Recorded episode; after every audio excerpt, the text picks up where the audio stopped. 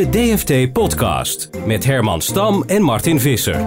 Ja, niet alleen met uh, Martin Visser. Welkom allemaal. Ook Ertan Bazekien is uh, aangeschoven hier in onze podcaststudio. Ertan is uh, de verslaggever op DFT en houdt vooral zich bezig met de polder, om het zo te zeggen. Dan moet je voor sommige mensen natuurlijk wel uitleggen. Dat betekent dat je de werkgevers en de vakbonden volgt. En dat is van groot belang, want we hebben deze week een pensioenakkoord. Ik moet zeggen, een voorlopig pensioenakkoord. Want er gaat nog van alles gebeuren binnen de vakbonden. Daar gaan we zo uitgebreid met Ertan uh, over spreken. Maar eerst eens even dat pensioenakkoord zelf. jullie eerste reactie begint bij Martin. Wat is je het meest opgevallen van dit akkoord? Nou, bij mij is het meest opgevallen dat het eigenlijk vooral een AOW-akkoord is. En dat heel veel gevoelige punten rondom pensioenen zijn doorgeschoven naar de toekomst. Er staat wel in grote lijnen staat er wel een basis van waar het met het pensioencontract heen moet. Maar daar zijn nog heel veel ja, zogenaamde technische details die enorm kunnen uitmaken voor, voor jouw pensioenopbouw. Die in een, een zogenaamde stuurgroep worden ondergebracht. En in die stuurgroep zitten straks weer exact dezelfde mensen als degene die de afgelopen jaren hebben zitten bakkeleien over diezelfde technische details. Dus ik verwacht daar nog een stevig, uh, stevig gevecht. Ja, je moet ook nog even, want we liepen hier binnen en je liet een statistiekje zien. Dat kunnen mensen niet zien, maar je vroeg aan mij van hoe oud ben je? Want we gingen meteen even een soort berekening maken van hoeveel maanden uh, mij dit werken scheelt eigenlijk. Dat ik eerder, uh, reken dat nog eens eventjes Ja, voor. er kwam net een, uh, het was op de site van rijksoverheid.nl kan je een, een Excel sheet vinden. Dat komt van Sociale Zaken vandaan. Dan zie je gewoon keurig, kan je je eigen leeftijd opzoeken. En het is eigenlijk een heel eenvoudig overzichtje. En um, dan zie je hoe de, de afzwakking van de stijging van de AOW-leeftijd doortikt. Dat is niet alleen de tijdelijke bevriezing, maar ook in de toekomst gaat het minder hard omhoog. Ik ben zelf van 1971 en ik ga volgens dit berekeningje 12 maanden eerder met pensioen dan, dan wat oorspronkelijk in de pijplijn zat. En dat natuurlijk, dat is toch aanzienlijk. Dat is fors veel minder. En als je dan verder kijkt naar andere cohorten, mensen vanaf 1981 geboren of nog later 84, 85, die gaan al 18 maanden eerder met pensioen. Dus je ziet dit, dit die, die andere AOW-leeftijd heeft ook een enorme effect op, echt op, op de nu nog jonge generatie. Ja, en nog even voordat ik naar Erton ga. Vorige week hadden we bijvoorbeeld, wordt het een huzarenstukje van minister ja. Koolmees. Ik vind jou in de afgelopen week steeds negatiever erover geworden. Nou ja, kijk, met het huzarenstukje hebben we het natuurlijk vooral over... Wat, wat, wat ik oprecht ingewikkeld vind, is van het is knap dat er een akkoord is. Dat is het huzarenstukje. Um, en inderdaad, in de loop van de afgelopen week ben je natuurlijk ook steeds meer gewoon naar de inhoud gaan kijken. Oké, dat akkoord, het hartstikke goed dat het er is. Ik denk nog steeds dat het heel goed is dat, dat, uh, dat er een, een pensioenakkoord is. Je moet op een gegeven moment ook gewoon weer door met elkaar. En ook, uh, maar ja, nou, neem dat eerste punt wat ik noemde over pensioenen. Dat je nog zoveel naar de toekomst doorschuift. En zo'n focus op die AOW en, en die zware beroepenregeling ja, dan vind ik het ook voor een deel ook wel een gemiste kans. Maar weet je, anders hadden we niks gehad. Dus mm. dit is in ieder geval vast een hele belangrijke stap. En dat heeft uiteindelijk Koolmees wel, wel handig gedaan. Daar hebben verschillende partijen echt wel op hun momenten voortouw ingenomen. Dat zat in de reconstructie ook. Daar komen we straks wel over te spreken. Uh, dus dat is uiteindelijk wel, uh, is dat wel heel knap gedaan. Ja, nee, die, precies zoals je zegt, die reconstructie gaan we ook doornemen. Waarin je minister Hoekstra uh, Dagobert Duk onder andere ja. noemt. er dan eerst even bij jou. Wat, wat valt jou nou het meest op als je het nu een beetje laat bezinken, dit akkoord? Ja, dat was toch wel het gegeven dat er een uh, verplichte verzekering voor ZZP'ers komt. Dat gaat dan uh, om de arbeidsongeschiktheidsverzekering. Um, maar goed, we weten dus nu nog steeds niet hoe dat er dan uit komt te zien. Uh, wie dat ook uit gaat voeren is ook niet bekend.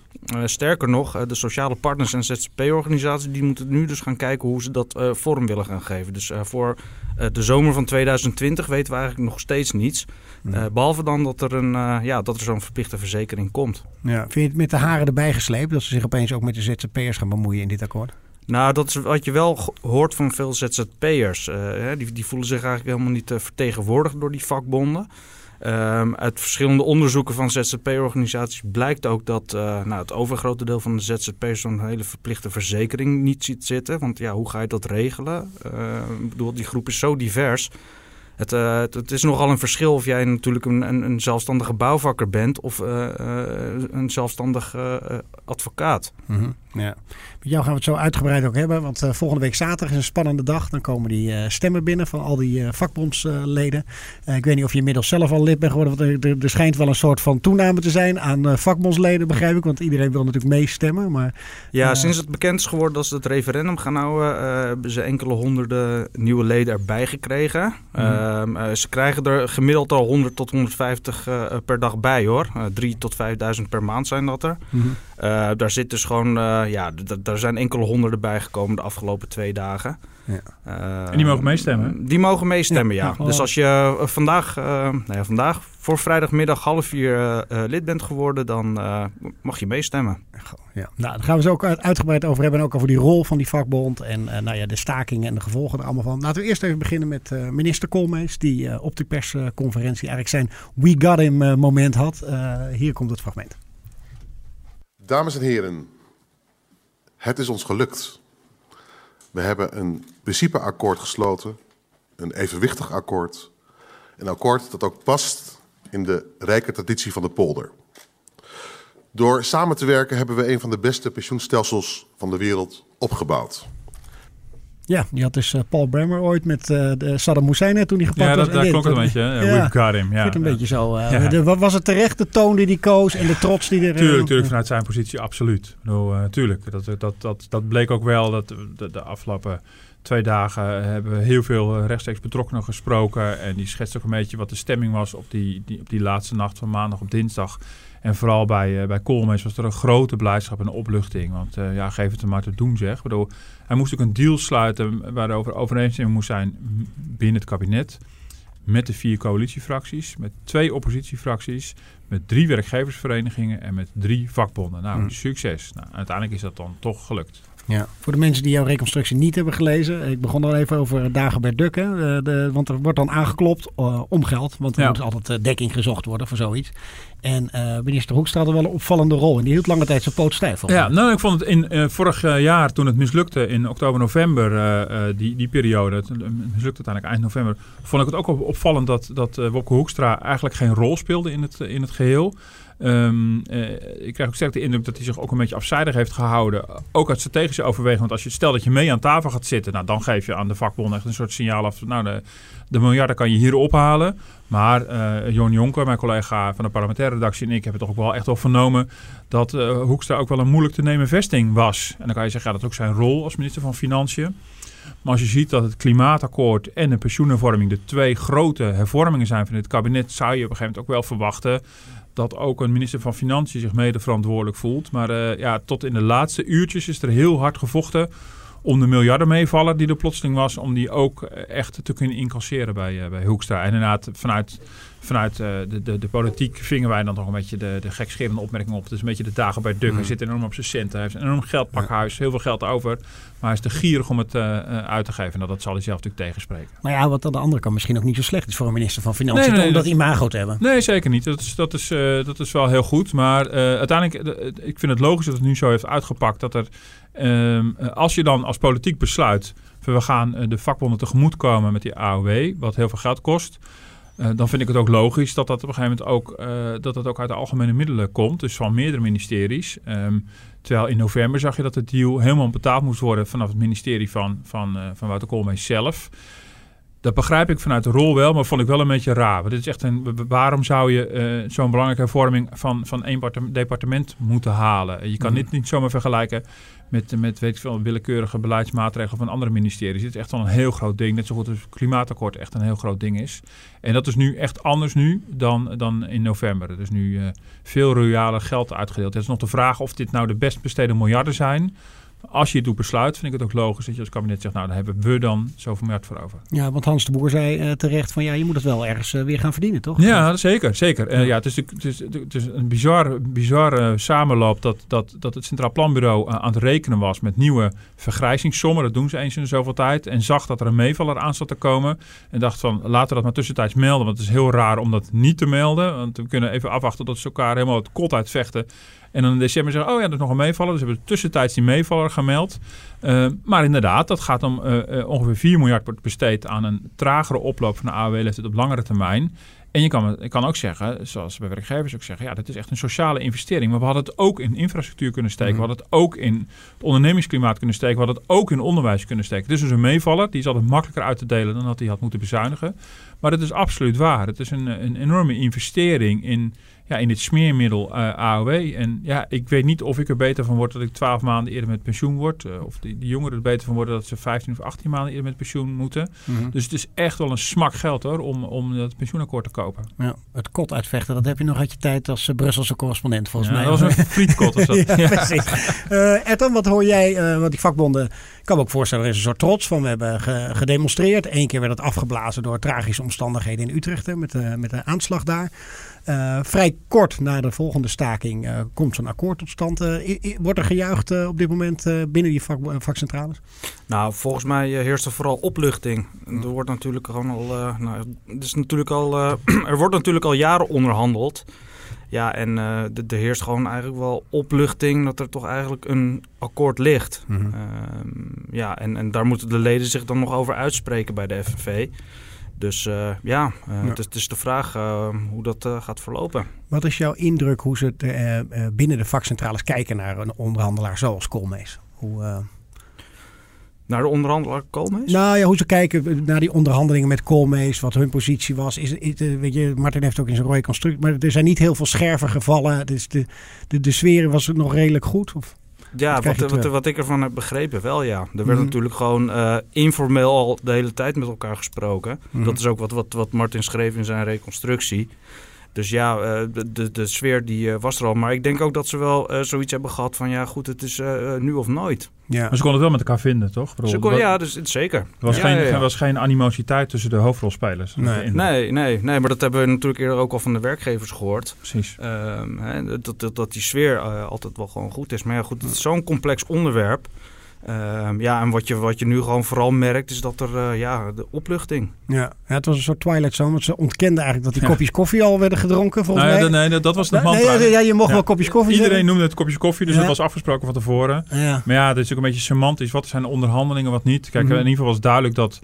Um, dat uh, de week voor die grote OV-staking hebben ze in Vleuten in een uh, soort trouwlocatie, een restaurant met zalencentrum, hebben ze voor het eerst uh, zijn ze bij elkaar gekomen, Koolmees en alle voorzitters. En daar heeft Koolmees het bot op tafel. De eerste keer het bot op tafel gelegd. Nou, we kunnen de AOW-leeftijd ook zus en zus en zo uh, dempen, zeg maar. -hmm. Ja, dat is toch een bot. Ik bedoel, ja, dat is niet geaccepteerd. Maar ja, dat noem ik onderhandelen. Maar ja. goed, om, om de achterban niet tegen het uh, zere been te trappen... Uh, um, noemden de vakbonden dat dan gewoon kopjes koffie. Ja. Maar daar werd natuurlijk al onderhandeld. Want anders had je natuurlijk nooit zo snel na het aflopen van die staking... Sterker nog, op de, de, de, staking was in twee dagen. Een, een OV-staking op dinsdag. En daarna een, een actie en staking in metaal en bouw onder andere. En diezelfde avond, die woensdag is er alweer verder gesproken. Mhm. Mm -hmm. en, uh, uh, maar goed, alles was erop gericht om het informeel af te kaarten, zo ver mogelijk.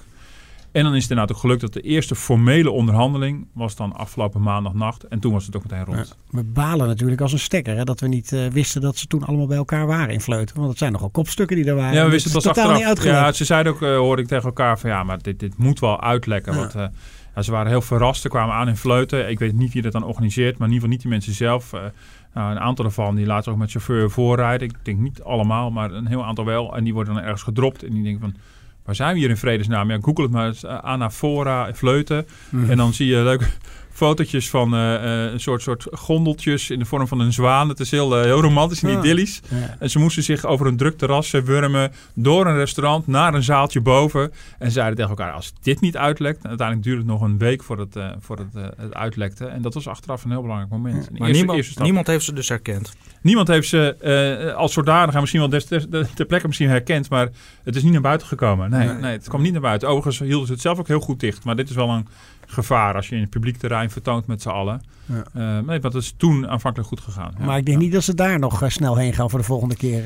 eh. Nee, wat, uh, nee, wat wij hebben kunnen achterhalen zijn ze daarna niet meer daarna naartoe gegaan. Maar uh, dat, is, ja, dat maakt zo'n terugblik ook altijd wel heel grappig. Bedoel, het is ook uiteindelijk ook een heel menselijk verhaal. Bedoel, Mhm. van, van gewoon mensen die met elkaar gewoon echt op moeten trekken. Elkaar voortdurend weer tegenkomen.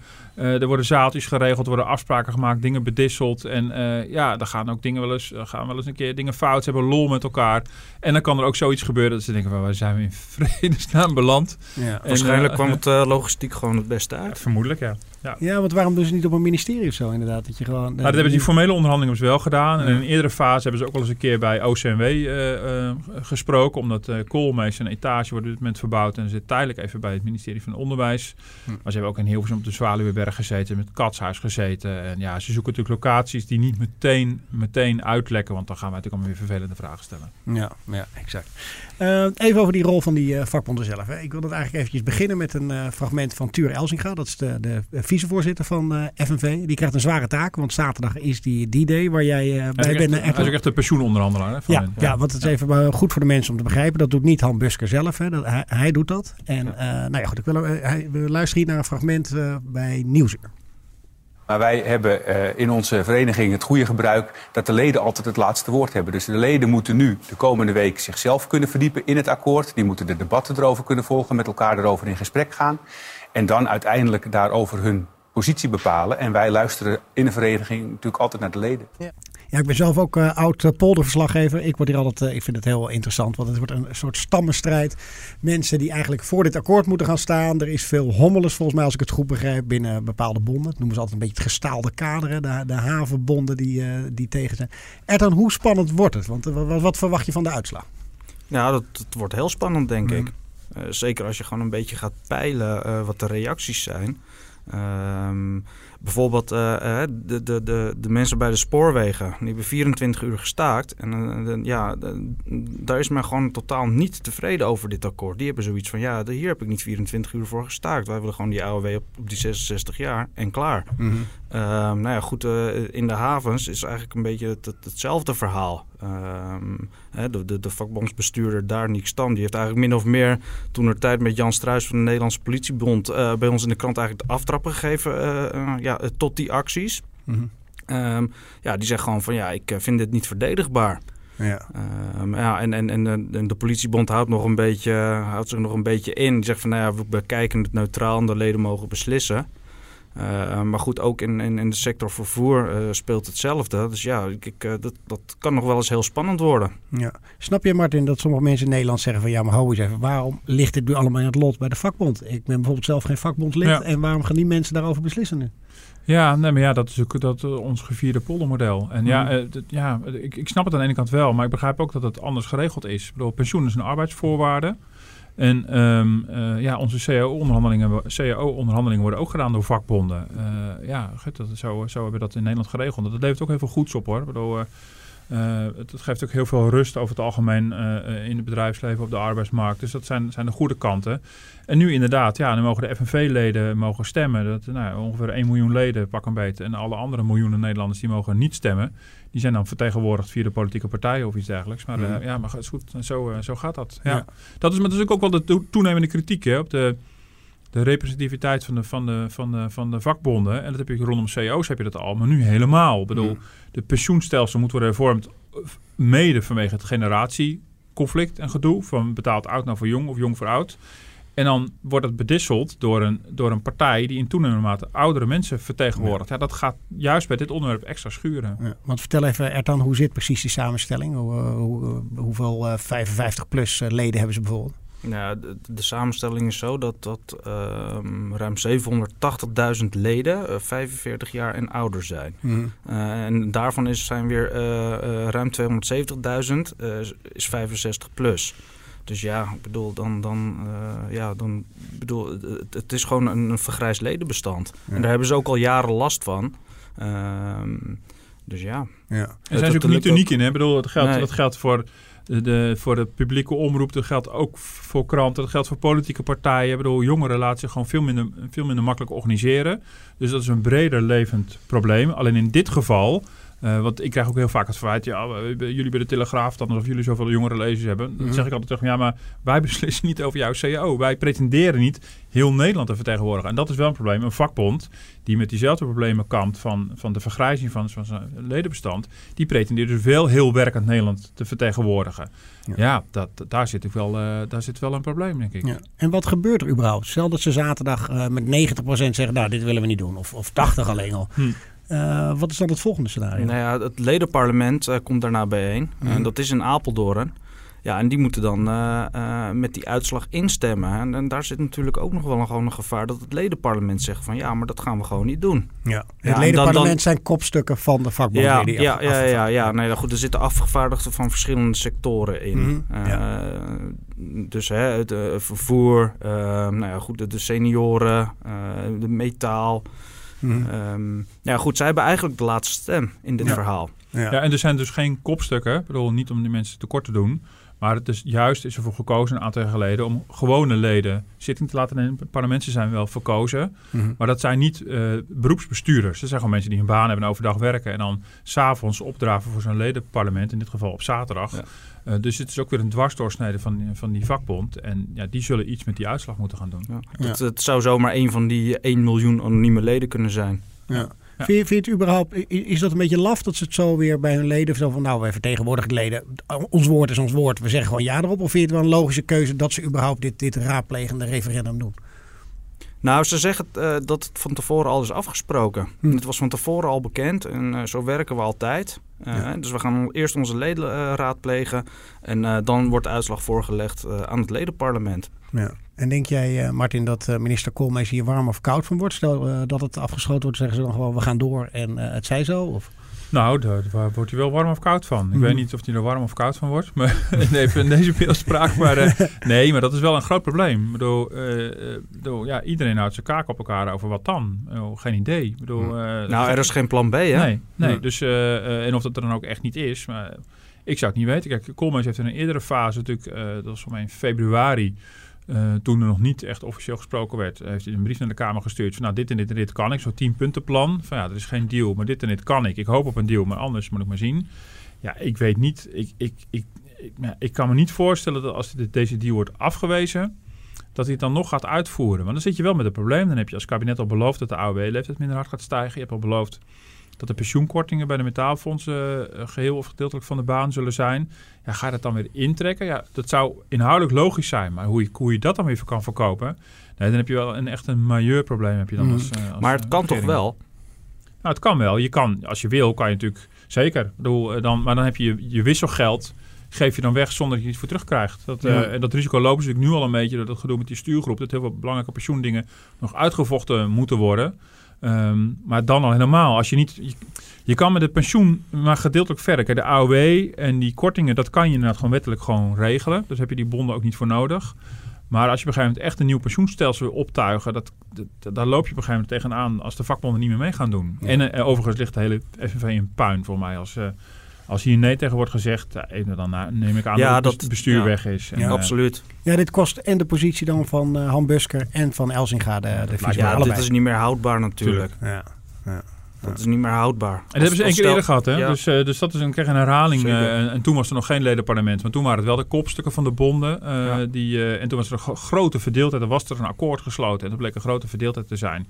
Nou, dat is de FNV bijna aan ten onder gegaan. Dus dat is precies ook de reden dat ze nu zo voorzichtig zijn.